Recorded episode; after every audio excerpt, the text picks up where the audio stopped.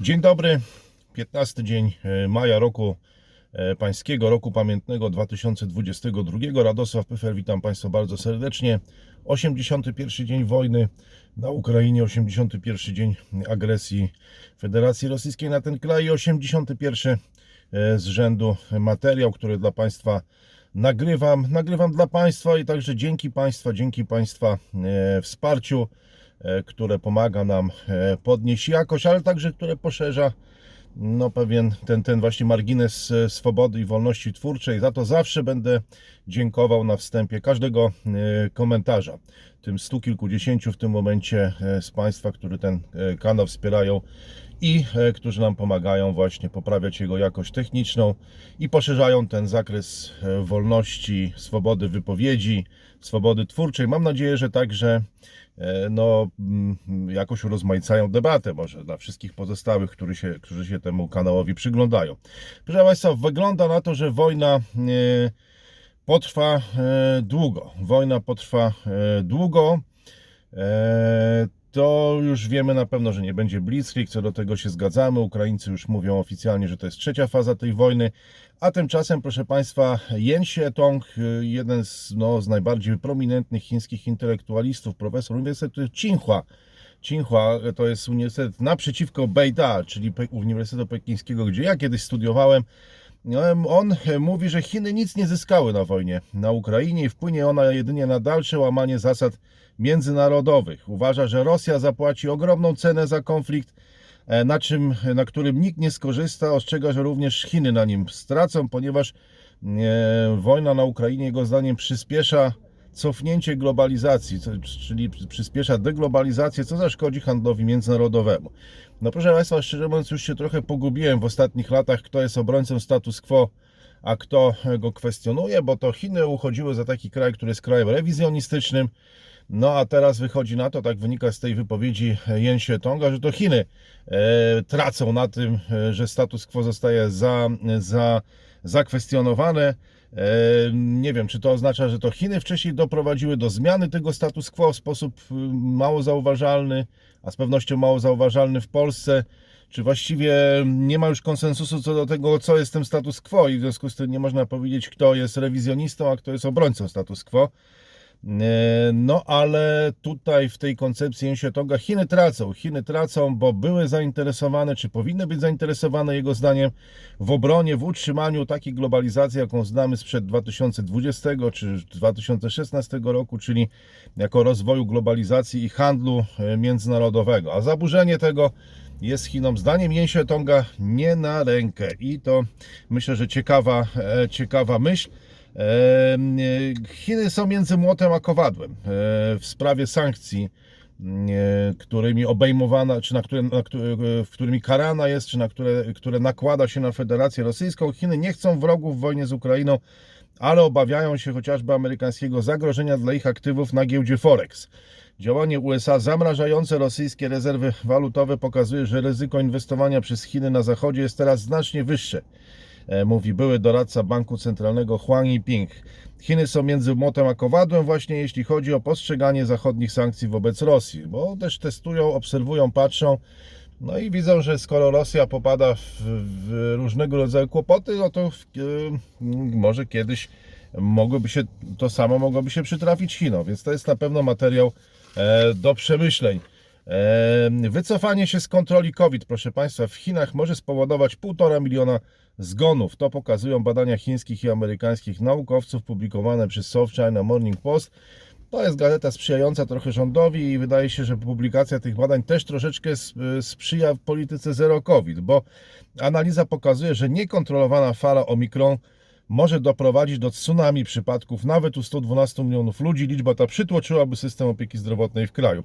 No proszę Państwa, w Polsce mamy do czynienia z zaskakującą sytuacją, że mieliśmy tam ponad chyba 100 tysięcy przypadków śmiertelnych, nie wszystkie oczywiście na COVID. No i społeczeństwo jest, y,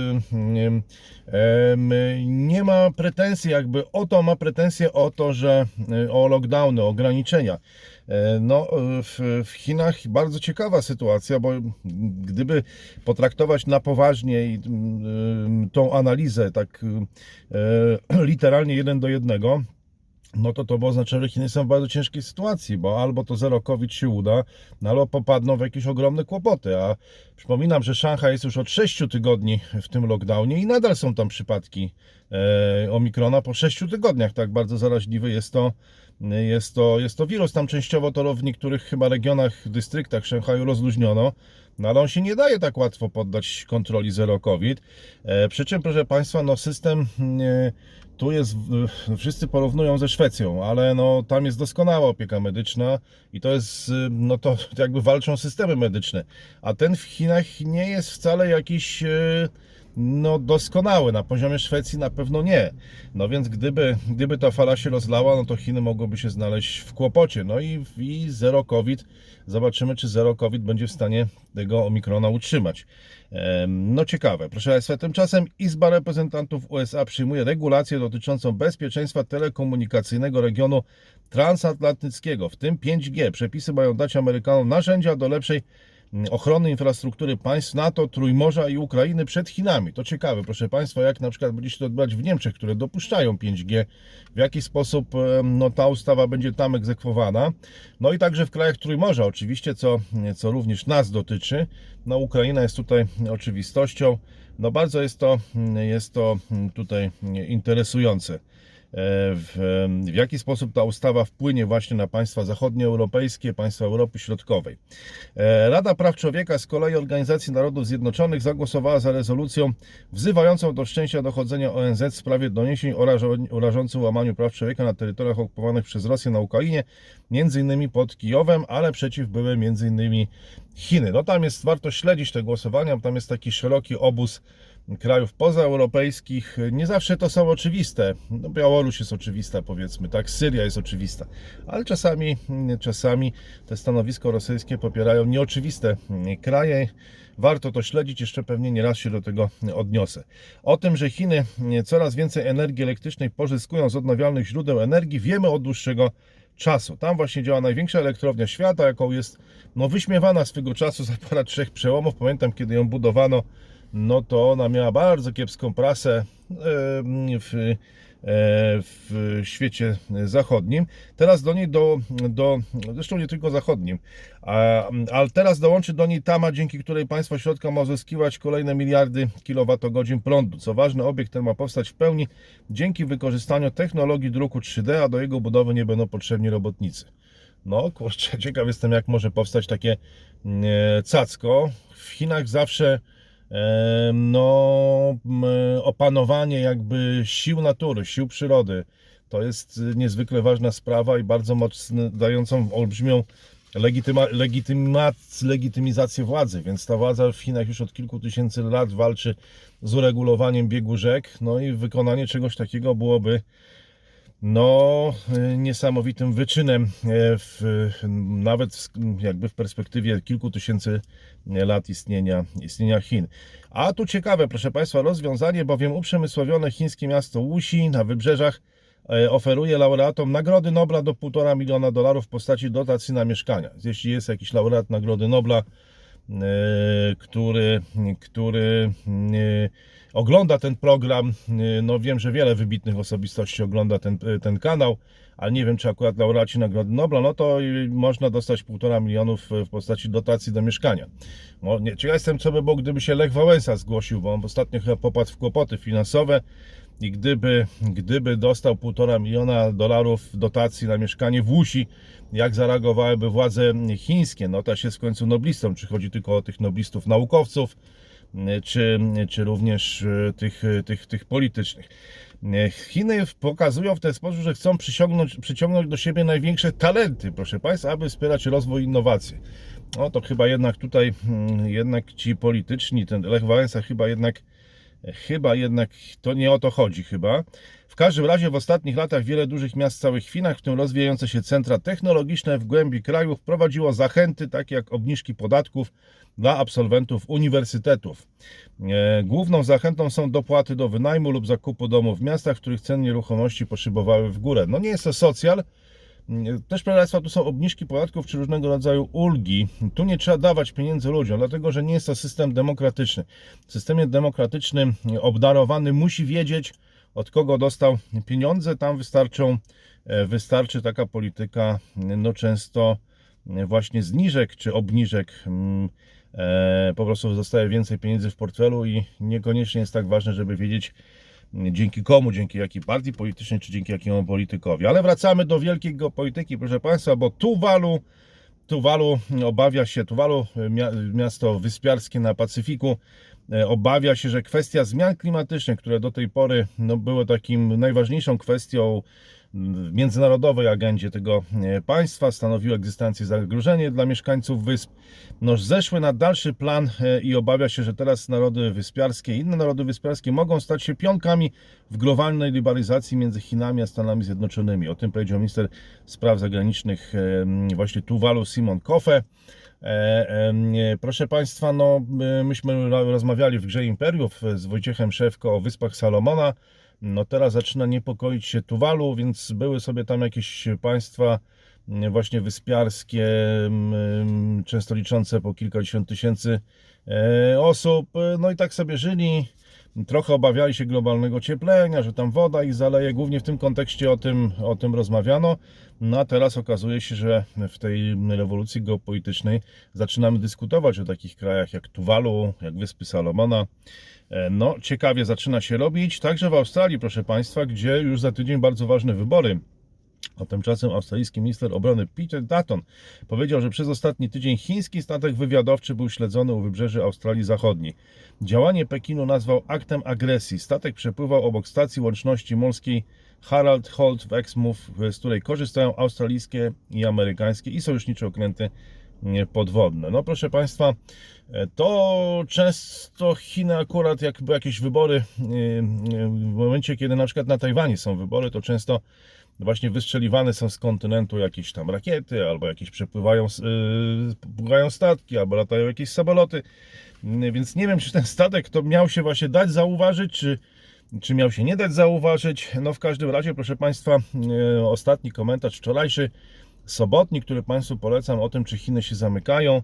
No wydaje się, że w dużej mierze się zamykają, ale i się nie zamykają. To słusznie e, ktoś z Państwa zwrócił uwagę, że to jest to, ta podwójna cyrkulacja, bo są aktywne chociażby na wyspach e, Salomona i być może tutaj także jest to przejaw pewnej aktywności. Już nie mówię o Europie, gdzie ostatnia seria rozmów Xi Jinpinga z Olafem Scholzem i Emmanuelem Macronem no pokazuje, że to też wcale nie jest e, tak jak to często myślimy w Polsce, że albo zamk totalne zamknięcie, albo totalne otwarcie. No jest to coś, coś e, po środku, ale summa summarum, e, jeśli mówimy o tym balansie, jeśli mówimy o tej proporcji, no to więcej jest teraz zamknięcia niż, niż, niż, w, niż w ostatnich latach, dekadach.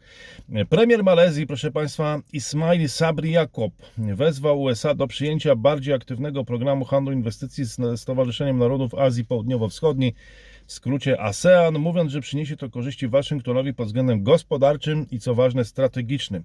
E, Premier Malezji Jakob wyjaśnił, że w regionie wyczuwana jest frustracja od czasu, gdy były prezydent Donald Trump zrezygnował z regionalnego paktu handlowego w 2017 roku.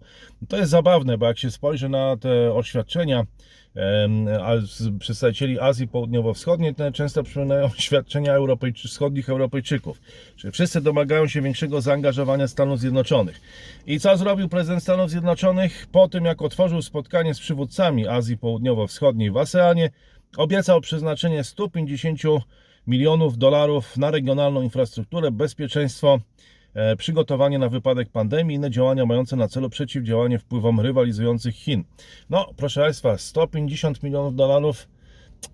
No, nie jest to jakaś, jakaś wielka kwota, umówmy się, szczególnie na, dla kilkuset milionów mieszkańców Azji Południowo-Wschodniej. No jest to jakiś sygnał, na ile Stany Zjednoczone, e, na ile mają moce przerobowe. No bo, wyobraźmy sobie teraz te 40 miliardów dolarów dla Ukrainy i 150 miliardów, milionów, przepraszam, e, dla mm, krajów ASEAN. No to jest kwota mm, ile 20, ponad no prawie 30, no 20 kilkukrotnie mniejsza na cały ASEAN niż to, co idzie, niż to, co idzie na Ukrainę w ramach tego land, ma pójść na land lease tego nowego aktu. No po Fundusz Trójmorza, tu podobna sytuacja. W 2020 roku Mike Pompeo przekazał miliard mm, dolarów y, do, jakby do zarządzania w tym funduszu. No nie są to kwoty jakieś oszałamiające, a domagają się tego Azjaci, tego zaangażowania. Właśnie ono następuje, no ale, no ale właśnie w, ta, w takich proporcjach, w takich proporcjach. Ciekaw jestem Państwa zdania, Państwa opinii. Tymczasem, proszę Państwa, na Sri Lance e, Ranil e, Wickremesinghe został nowym premierem na Sri Lance. Jego nominacja jest postrzegana jako kolejna arogancka odpowiedź prezydenta Gotabaya Rajapaksy na tygodnie protestów przeciw rosnącym cenom i niedoborom e, towarów. No właśnie, są już kraje, które to mocno odczuwają. Wickremesinghe jest postrzegany jako osoba blisko związana z rodziną Rajapaksa i wielu uważa, że został wybrany, ponieważ prawdopodobnie zapewni im bezpieczeństwo. Protesty wybuchły na początku kwietnia w stolicy kraju Colombo, a ich rozmiary rosły i rozprzestrzeniły się po całym kraju. Ludzie są wściekli, ponieważ ogromnie wzrosły koszty życia. 9 osób straciło życie podczas zamieszek. Jest e, niestabilnie. Zobaczymy, jak będzie jesienią e, w wielu innych krajach. E, No, na razie możemy e, e, możemy to obserwować. Dzisiaj, proszę Państwa, bardzo ważne, już niedługo, już za chwilę odbędzie się nieformalne posiedzenie ministrów spraw zagranicznych krajów NATO poświęcone Ukrainie. O 14.30 przewidziano konferencję prasową sekretarza generalnego NATO Jensa Stoltenberga.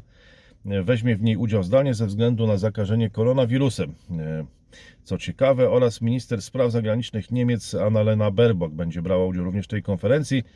Odbędzie się także konferencja prasowa prezydenta Finlandii Saulo Niinisto i premier Sauny Marin, czyli, czyli, e, czyli Finowie, e, którzy wypowiedzą się w sprawie polityki bezpieczeństwa ewentualnego przystąpienia kraju do NATO. Widzę, że są chyba jeszcze bardziej zdeterminowani niż Szwedzi, bo dużo bardziej się udzielają. E, Rosjanie tymczasem zmierzają do długotrwałej wojny, proszę Państwa, to jest to, od czego zacząłem ten komentarz. Nie mają wątpliwości co do tego przedstawiciele ukraińskich władz. W ich ocenie inwazja wkroczyła właśnie w trzecią fazę, a jej celem będzie utrzymanie przez najeźdźców dotychczasowych zdobyczy terytorialnych.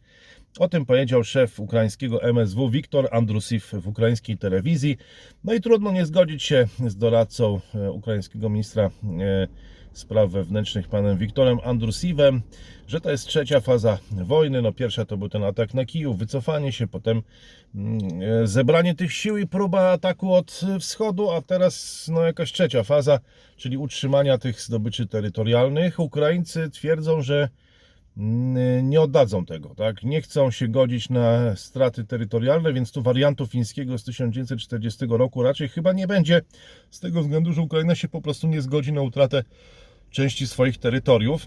No i to oznacza, że ta wojna jeszcze może, proszę Państwa, długo, e, długo e, potrwać. Tymczasem Zachód ogłosił, zdaniem właśnie Władimira Ławrowa, Sergieja Ławrowa, przepraszam, Zachód ogłosił totalną wojnę hybrydową przeciwko Rosji i trudno powiedzieć, jak długo ona potrwa. Widać, że Rosjanie lubią tą retorykę Zachód, e, że ten Zachód jest taki zjednoczony, przeciwny Rosji. To im widać pomaga jakoś się mobilizować. I to właśnie powiedział e, Siergiej Ławrow, że ta wojna hybrydowa Zachodu jest totalna z Zachodem i, i, i nie wiadomo jak długo potrwa. To powiedział podczas e, przemówienia w 80. dniu rosyjskiej inwazji na Ukrainę. Wskazywał także na sankcje nałożone przez Zachód na Rosję oraz na próby jej izolacji, które od początku miały być jego zdaniem skazane na porażkę. No i proszę Państwa, ukraińska grupa Kalusz Orges- Orgestra wygrała w Turynie 66. konkurs e, piosenki Eurowizji. E, śpiewając dedykowany matką utwór Stefania. No tego chyba można było się spodziewać. Właściwie miałem nawet wczoraj napisać e, takiego tweeta, że nasz e, przedstawiciel będzie walczył o drugie miejsce, bo pierwsze jest zarezerwowane dla Ukraińców i tak się stało. Odnieśli zwycięstwo dzięki głosowaniu publiczności. Jest to także wielki sukces Władimira Putina. No mówmy się, że Eurowizja to nie jest może zbyt poważna sprawa, no ale Ukraińcy święcą triumfy. Chyba wygrywają już po raz drugi. Nam się to nie udało nigdy. E, No, proszę Państwa, ma- mamy zawsze taką wielką chęć zdobycia tego uznania e, międzynarodowego, no ale jednak nigdy się to nam nie udało. Ukraińcom już drugi raz. E, I właśnie też między innymi dzięki, wydaje się, no, Władimirowi Putinowi tej agresji, no ta piosenka, która była rezerwową podobno piosenką, bo tam ktoś inny miał jechać, ale został wycofany, pojechała Kalusz Orkiestra. Ten Kalusz to zdaje się miejscowość pod Lwowem. E, może część z Państwa ją zna. E, no w każdym razie, e, no wydarzenie na pewno godne odnotowania. jedno z tych ważniejszych spośród najmniej ważnych spraw, taką jest Eurowizja. Ukraina zakazuje działalności prorosyjskich partii politycznych. Prezydent Zełenski podpisał ustawę, zgodnie z którą zabronione będzie funkcjonowanie ugrupowań usprawiedliwiających inwazję Rosji bądź jej zaprzeczających. Nie wiem, czy są w Polsce partie polityczne, które zaprzeczają, niż na Ukrainie doszło do e, e, inwazji. Nielegalne staną się stronnictwa, które gloryfikują uczestników agresji na Ukrainę, rosyjską armię i przedstawicieli okupacyjnej e, administracji. No, na Ukrainie to jest ważne, bo podobno, proszę Państwa, tych, trochę tych zielonych ludzików jednak się uchowało i no, ale to już jest może temat na jakąś bardziej szczegółową analizę. E, Tymczasem, proszę Państwa, Ukraina przygotowuje się do zmasowanego rosyjskiego ataku w obwodzie ługańskim w celu okrążenia Siewierodoniecka. Wojska rosyjskie przygotowują nowe próby przeprawy przez rzekę Doniec. Przywiozły 2,5 tysiąca pojazdów i czołgów wraz z posiłkami. To stwierdził w sobotę wieczorem szef administracji obwodu ługańskiego Siergiej Hajdaj. A tymczasem zastępca szefa rosyjskiej administracji prezydenckiej Dmitrij Kozak popadł w niełaskę po rozpoczęciu inwazji na Ukrainę. O tym dowiedziała się BBC. Zanim wybuchła wojna, kierował sprawami ukraińskimi i był zwolennikiem dyplomatycznego rozwiązania sytuacji, ale prezydent Władimir Putin w końcu stracił cierpliwość i wybrał siłowy sposób. No proszę Państwa, tyle warte są analizy racjonalne, że coś się opłaca, coś się nie opłaca. To już jest ja mam 46 lat, ale już widzę, że to jest taki stały element gry, że eksperci, analitycy przewidują, nie, nie, to jest niemożliwe, to się kompletnie nie opłaca. E, Po czym okazuje się, że politycy podejmują taką decyzję, że gaz do dechy. No i dzieje się, i dzieje się, proszę Państwa, bo jednak polityka jest taką dziedziną życia, no, w której mm, no, właściwie można powiedzieć, że występują naprzeciw siebie osobnicy, którzy naciskają na pedał gazu i pędzą naprzeciwko siebie i teraz kto, ten, kto zjedzie na pobocze. Często nikt nie zjeżdża na pobocze, no i, no i zaczyna się, no i zaczyna się, proszę Państwa. No, także, także e, to też to mówię ze względu na te analizy, które paradoksalnie sam przeprowadzam. To jest forma samokrytyki, proszę Państwa, dlatego, że różne rzeczy nawet na tym kanale możemy analizować, możemy spekulować na ich temat, no a potem tak naprawdę e, e, ten poziom nieracjonalności, wystarczy, że zwiększy się trochę ten poziom nieracjonalności i e, no i, e, i zupełnie inne scenariusze się realizują. Natomiast teraz wiadomo, że scenariuszem rosyjskim będzie e, kierunek ataku, który obejmie wschodnią Ukrainę i głównym działaniem podporządkowanym temu celowi będzie okrążenie wojsk ukraińskich w, kot, w, ko, w kotle między Izjum, obwodami donieckim i ługańskim. Działania wspierające ten cel to ataki po pierwsze na Mariupol, po drugie na Charków, po trzecie na południe Ukrainy oraz po czwarte na Sumę i północno-wschodnią Ukrainę. No zobaczymy. To trochę trudniejsza i bardziej skomplikowana operacja specjalna niż zajęcie Kijowa. Eee, może to potrwać, może to potrwać. Siły ukraińskie rozpoczęły kontrofensywę w pobliżu kontrolowanego przez miasta przez Rosjan właśnie miasta Izum na wschodzie Ukrainy. O tym informował w sobotę gubernator regionu. To może się okazać poważnym ciosem dla planów Moskwy zdobycia całego regionu Donbasu. Siły rosyjskie skoncentrowały znaczną część swojej siły ognia na Donbasie w drugiej fazie inwazji, którą ogłoszono 19 kwietnia e, po tym jak nie udało się dotrzeć do stolicy Kijowa od północy w pierwszych tygodniach wojny, a teraz ogłaszamy już powoli trzecią fazę. Nie wiem ile tych faz jeszcze będzie e, i kiedy ta trzecia faza zostanie oficjalnie ogłoszona, tak? Mieliśmy 24 lutego, 19 kwietnia, no i teraz kiedy będzie ogłoszona trzecia e, faza. Proszę Państwa, tymczasem Ramzan Kadyrow zapowiedział wysłanie 600 e, ochotników Ukrainy, by u boku Rosjan wzięli udział w oczyszczaniu bandytów ziemi Donieckiej Republiki Ludowej i Ługańskiej Republiki Ludowej, a także całej Ukrainy. No i tutaj jakby, proszę Państwa, Władimir Putin i Roman Ka- Kadyrow jakby słuchali em, gry imperiów e, właśnie Wojciecha Szewko, Radosława Pefa, bo my tam doszliśmy do takiego wniosku w naszej rozmowie, że każda teraz akcja, każda operacja, każda wojna będzie wojną z denazyf- o denazyfikację, którą pr- przeprowadzi Federacja Rosyjska. I teraz to samo właśnie denazyfikować chce Raman, Ramzan Kadyrow. Już Władimir Putin powiedział, że Polska też jest w kolejce do denazyfikacji, też trzeba ją zdenazyfikować jako kolejny kraj i także widać, Ramzan Kadyrow też chyba obejrzał tą rozmowę, bo, bo też chce denazyfikować, proszę Państwa. Mówi tak, łączy ich jeden cel, czyli yy, czyli tych e, ochotników e, czeczeńskich. Jak najszybsze położenie okresu formacjom banderowskim i pociągnięcie do odpowiedzialności terrorystów, którzy przez 8 lat trzymali w szachu ludność spokojnego Donbasu.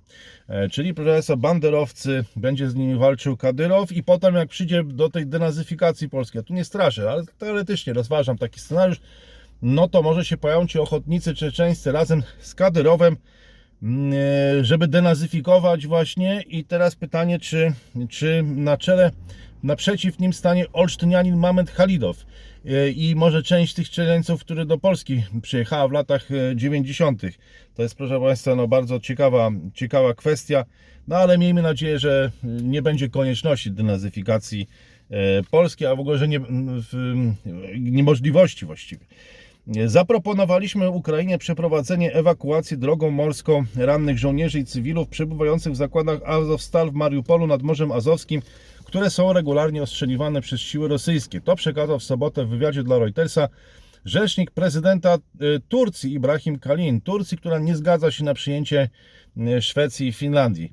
E, Z kolei Moskwa nie zgadza się na wykonanie tego tureckiego planu e, matki, e, matki, żony, e, córki tych e, ludzi, tych żołnierzy, którzy są w tych zakładach, wróciły się już nawet z pomocą do Xi Jinpinga, żeby on interweniował w tej sprawie, a się szczerze mówiąc takiej interwencji nie spodziewam. No a oni są tam. Niesamowite to jest, że tak, taki czas się po prostu opierają. To jest po prostu nieprawdopodobna historia. E, tymczasem już brak słów, żeby coś tutaj dodać w tej sprawie. Ale ciekawie na Węgrzech, proszę Państwa, gdzie mamy nową panią prezydent e, Katalin Nowak, e, zaprzysiężoną w sobotę. E, I ona w to w czasie tej em, em, po tym zap- zaprzysiężeniu potępiła inwazję Rosji na Ukrainę i zapowiedziała, że w pierwszej podróży uda się do Polski, co jest wyraźnym gestem no, mającym na cele poprawę stosunków z Warszawą. I tutaj właściwie chciałem powiedzieć o trzech rzeczach. Pierwsze to jest takie, że widać, że Węgrzy no, myślą, myślą, proszę Państwa, że wykonują sensowne ruchy. Byłem niedawno w Budapeszcie, gdzie też nagrywałem dla Państwa komentarze i tam miałem okazję odbyć wiele ciekawych rozmów. E, I było widać, że jest takie duże mm, niezadowolenie tą niezręcznością wynikającą z polityki Wiktora Orbana, że, że mm, no tyle zainwestowano w relacje z Polską, a po czym właściwie przekreślono je tymi e, oświadczeniami czy posunięciami w ostatnich tygodniach i to jest próba korekty e, tego. To po pierwsze. Po drugie pamiętajmy o tym, że Polacy są bardzo wrażliwi na punkcie symbolicznym, to znaczy mogą płacić więcej za gaz, ropę, e, mieć gorszą pozycję w łańcuchach dostaw, ale bardzo ważne są te kwestie symboliczne i tu, że pierwsza wizyta nowej pani prezydent, która no, ma dużo mniejszą władzę niż premier Orban e, w tym systemie politycznym węgierskim, no jednak będzie miała duże znaczenie symboliczne. W Polsce to jest bardzo e, ważne. Ale po trzecie, proszę Państwa, Polska prawdopodobnie dogada się z Unią Europejską, polski rząd dogada się z Unią Europejską w sprawie KPO, Krajowego Programu Odbudowy. No i to zawsze stawia Węgry w ciężkiej sytuacji, bo stają się wtedy coraz bardziej izolowane. No dobrze jest mieć Polskę, która też jest trochę skonfliktowana z Unią Europejską, bo wtedy jest jakby raźniej. Natomiast w momencie, w którym Polska się to porozumienie osiągnie i zobaczymy, czy w ogóle nie stanie się teraz pupilem Unii Europejskiej. E, Bo to też jest pytanie, na ile to porozumienie zostanie osiągnięte. Wcale bym się nie zdziwił, jakby Polska teraz no, stała się kimś w ogóle, no, e, poszła w jakąś, e, w ogóle jakby zapomniano o tym, że byliśmy w konflikcie i Polska znowu stała się prymusem em, em, Unii Europejskiej. Byłby to pewnego rodzaju paradoks, no ale Węgry to widzą i reagują w jakiś sposób, na tyle, na ile mogą, choćby takimi symbolicznymi gestami i warto na to zwrócić, zwrócić e, uwagę, bo jest to w interesie Węgier, no, żeby jednak mimo tej Polski, żeby z tą Polską w Unii Europejskiej być blisko, czy Polacy wybaczą, czy przebaczą, no to się okaże, gest symboliczny jest dużego, e, dużej, dużej wagi. Nowa pani prezydent i pierwsza wizyta, o czym pisze Reuters chociażby. Tymczasem prezydent Rosji Władimir Putin ostrzegł swojego fińskiego odpowiednika, że przystąpienie do NATO i porzucenie neutralnego statusu Finlandii byłoby błędem. E, I to powiedział Saliemu Ninisto, że nie ma zagrożenia dla bezpieczeństwa w Finlandii.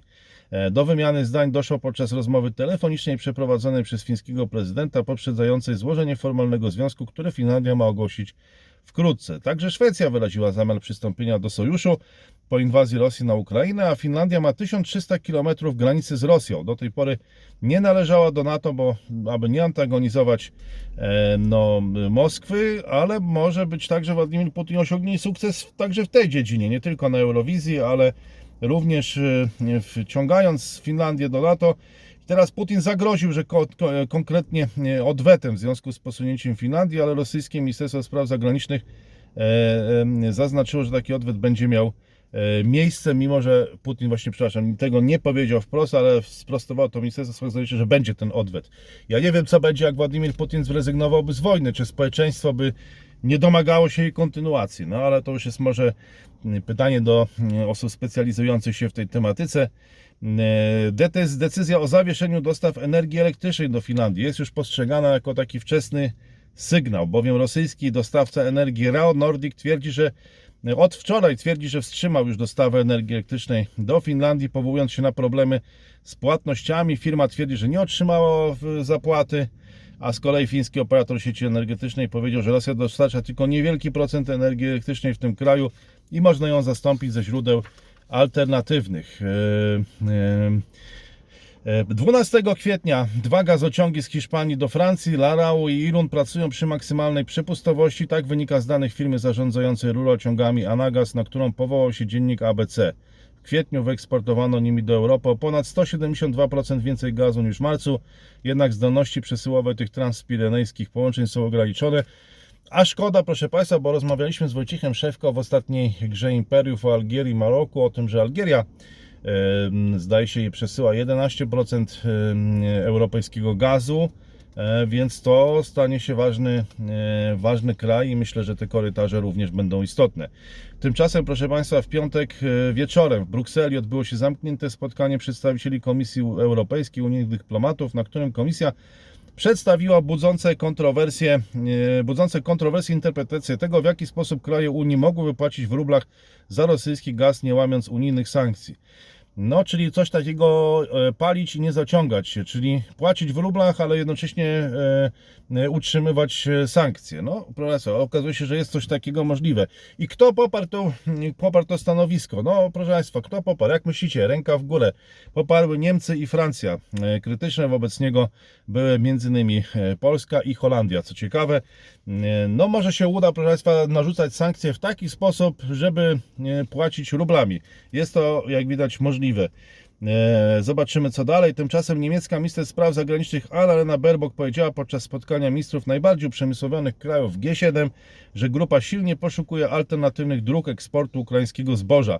Napaść Rosji na Ukrainę podniosła ryzyko globalnego kryzysu głodu. Zobaczymy jak to e, wyjdzie, jak przygotował się na kryzys spożywczy Elon Musk. To jest także ciekawe, ponieważ powiedział on ostatnio, że jego transakcja kupna Twittera za 44 miliardy dolarów jest wstrzymana po tym, jak zakwestionował liczbę fałszywych lub spamowych kont na platformie mediach społecznościowych. E, powiedział, że czeka na informacje potwierdzające obliczenia, że spam, fałszywe konta rzeczywiście stanowią mniej niż 5% użytkowników, czyli nie chce kupować e, tych spamerów, e, fake kont nie chce kupować. Może o to tutaj chodzi.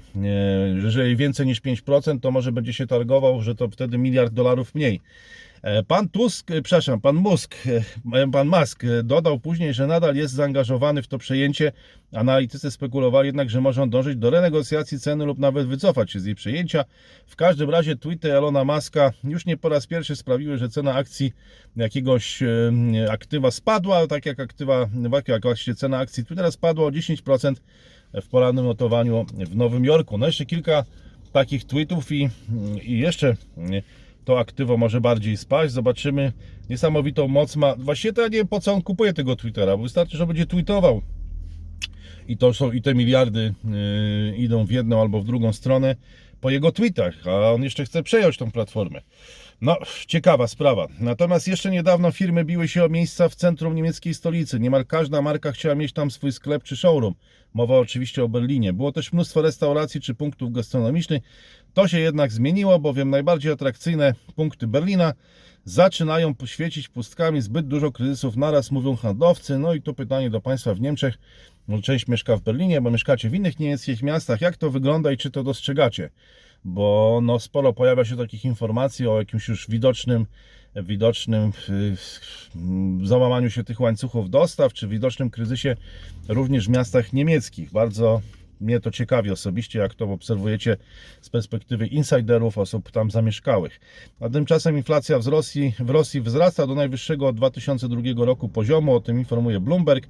Ceny w kwietniu w tym kraju wzrosły o 17,8% w ujęciu rok do roku i o, i o, 2 pro- o 1,6% w ujęciu miesiąc do miesiąca. Wynik chociaż rekordowy jest jednak nieco mniejszy niż mm, się e, spodziewano. E, A tymczasem, proszę Państwa, w bezroboci, w, w Hiszpanii tradycyjnie bezrobocie od 13 lat z rzędu należy do najwyższych w krajach Unii Europejskiej. Tak wynika z raportu o rynku pracy Instytutu Grupy Adecco, który opublikował hiszpański dziennik La Razón. Bezrobotni w Hiszpanii stanowią 22,8% wszystkich bezrobotnych w państwach unijnych. Tymczasem kraj ten odpowiada za 9,2% populacji Unii Europejskiej. Mają 9% populacji, a 22% bezrobotnych w całej Unii. W unijnej czołówce państw z najwyższym bezrobociem oprócz e, Hiszpanii jest jaki kraj? Grecja, proszę Państwa, Grecja. No i pytanie, tak się wszyscy martwią, czy Polska idzie tą e, drogą i stanie się takim krajem właśnie peryferii obrzeża Unii Europejskiej, że wspaniale po dekady rozwoju, infrastruktury także, e, no a potem, a potem, a potem tego typu struktura gospodarcza i tego wyniki gospodarcze. No, zgodnie z danymi w 2021 roku w najlepszej sytuacji znajdują się Malta i Niemcy, proszę Państwa, gdzie bezrobocie wynosi tylko 3,6%, ale także Polska 3,4% i Czechy 2,8%. E, No i zobaczymy co dalej. No problemy z bezrobociem e, nie mamy, no ale warto się przypatrywać innym krajom również w Unii Europejskiej, jak to wygląda, bo w 2021 roku najwięcej miejsc pracy w Hiszpanii wygenerował sektor prywatny, aż 63%, jednak zatrudnienie w sektorze publicznym rosło siódmy rok z rzędu, a liczba osób w nim zatrudnionych wzrosła 3 i- do 3 i prawie pół miliona. 3, 3 miliony 450 milionów ludzi, to jest zbliżona populacja do Polski, więc te dane łatwo jest porównywać z Polską.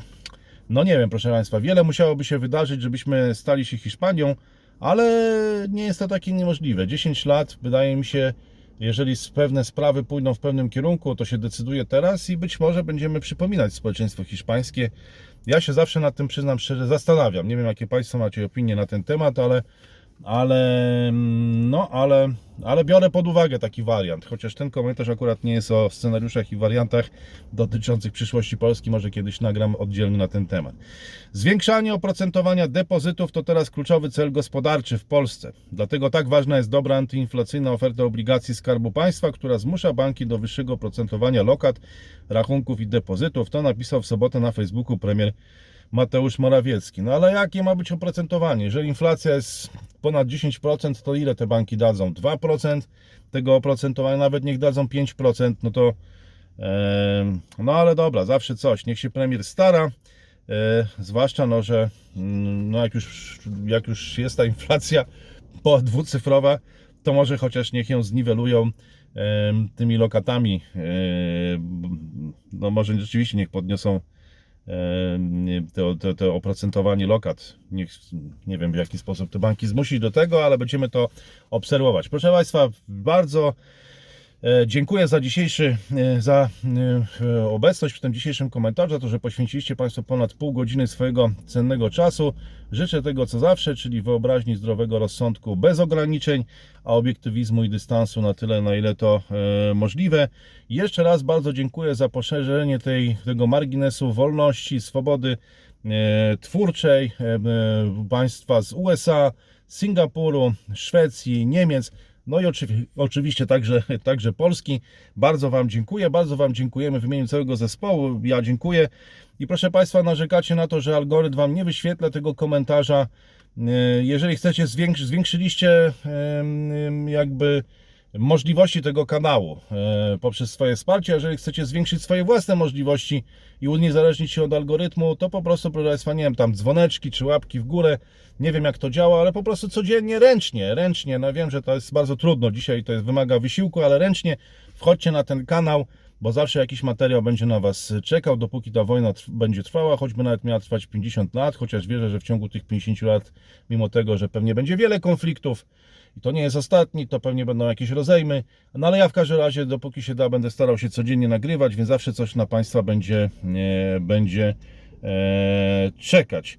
E, Proszę Państwa, wspaniała niedziela, piękna pogoda, e, wspaniałe życie w naszym kraju, doceniajmy to, e, stabilność, e, wciąż jeszcze niezła sytuacja i oby tak dalej, proszę Państwa, obyśmy, oby ten wynik tego koncertu mocarstw okazał się dla nas pozytywny, e, żeby ten rezultat e, tej rozgrywki między mocarstwami był pozytywny dla Polski i żebyśmy także, na ile to możliwe, podejmowali słuszne, właściwe decyzje, które też będą miały na to wpływ, że uda nam się to zachować i że jeszcze nie jedna tak wspaniała e, niedziela przed nami. Kłaniam się, dziękuję, pozdrawiam, wszystkiego dobrego i do zobaczenia.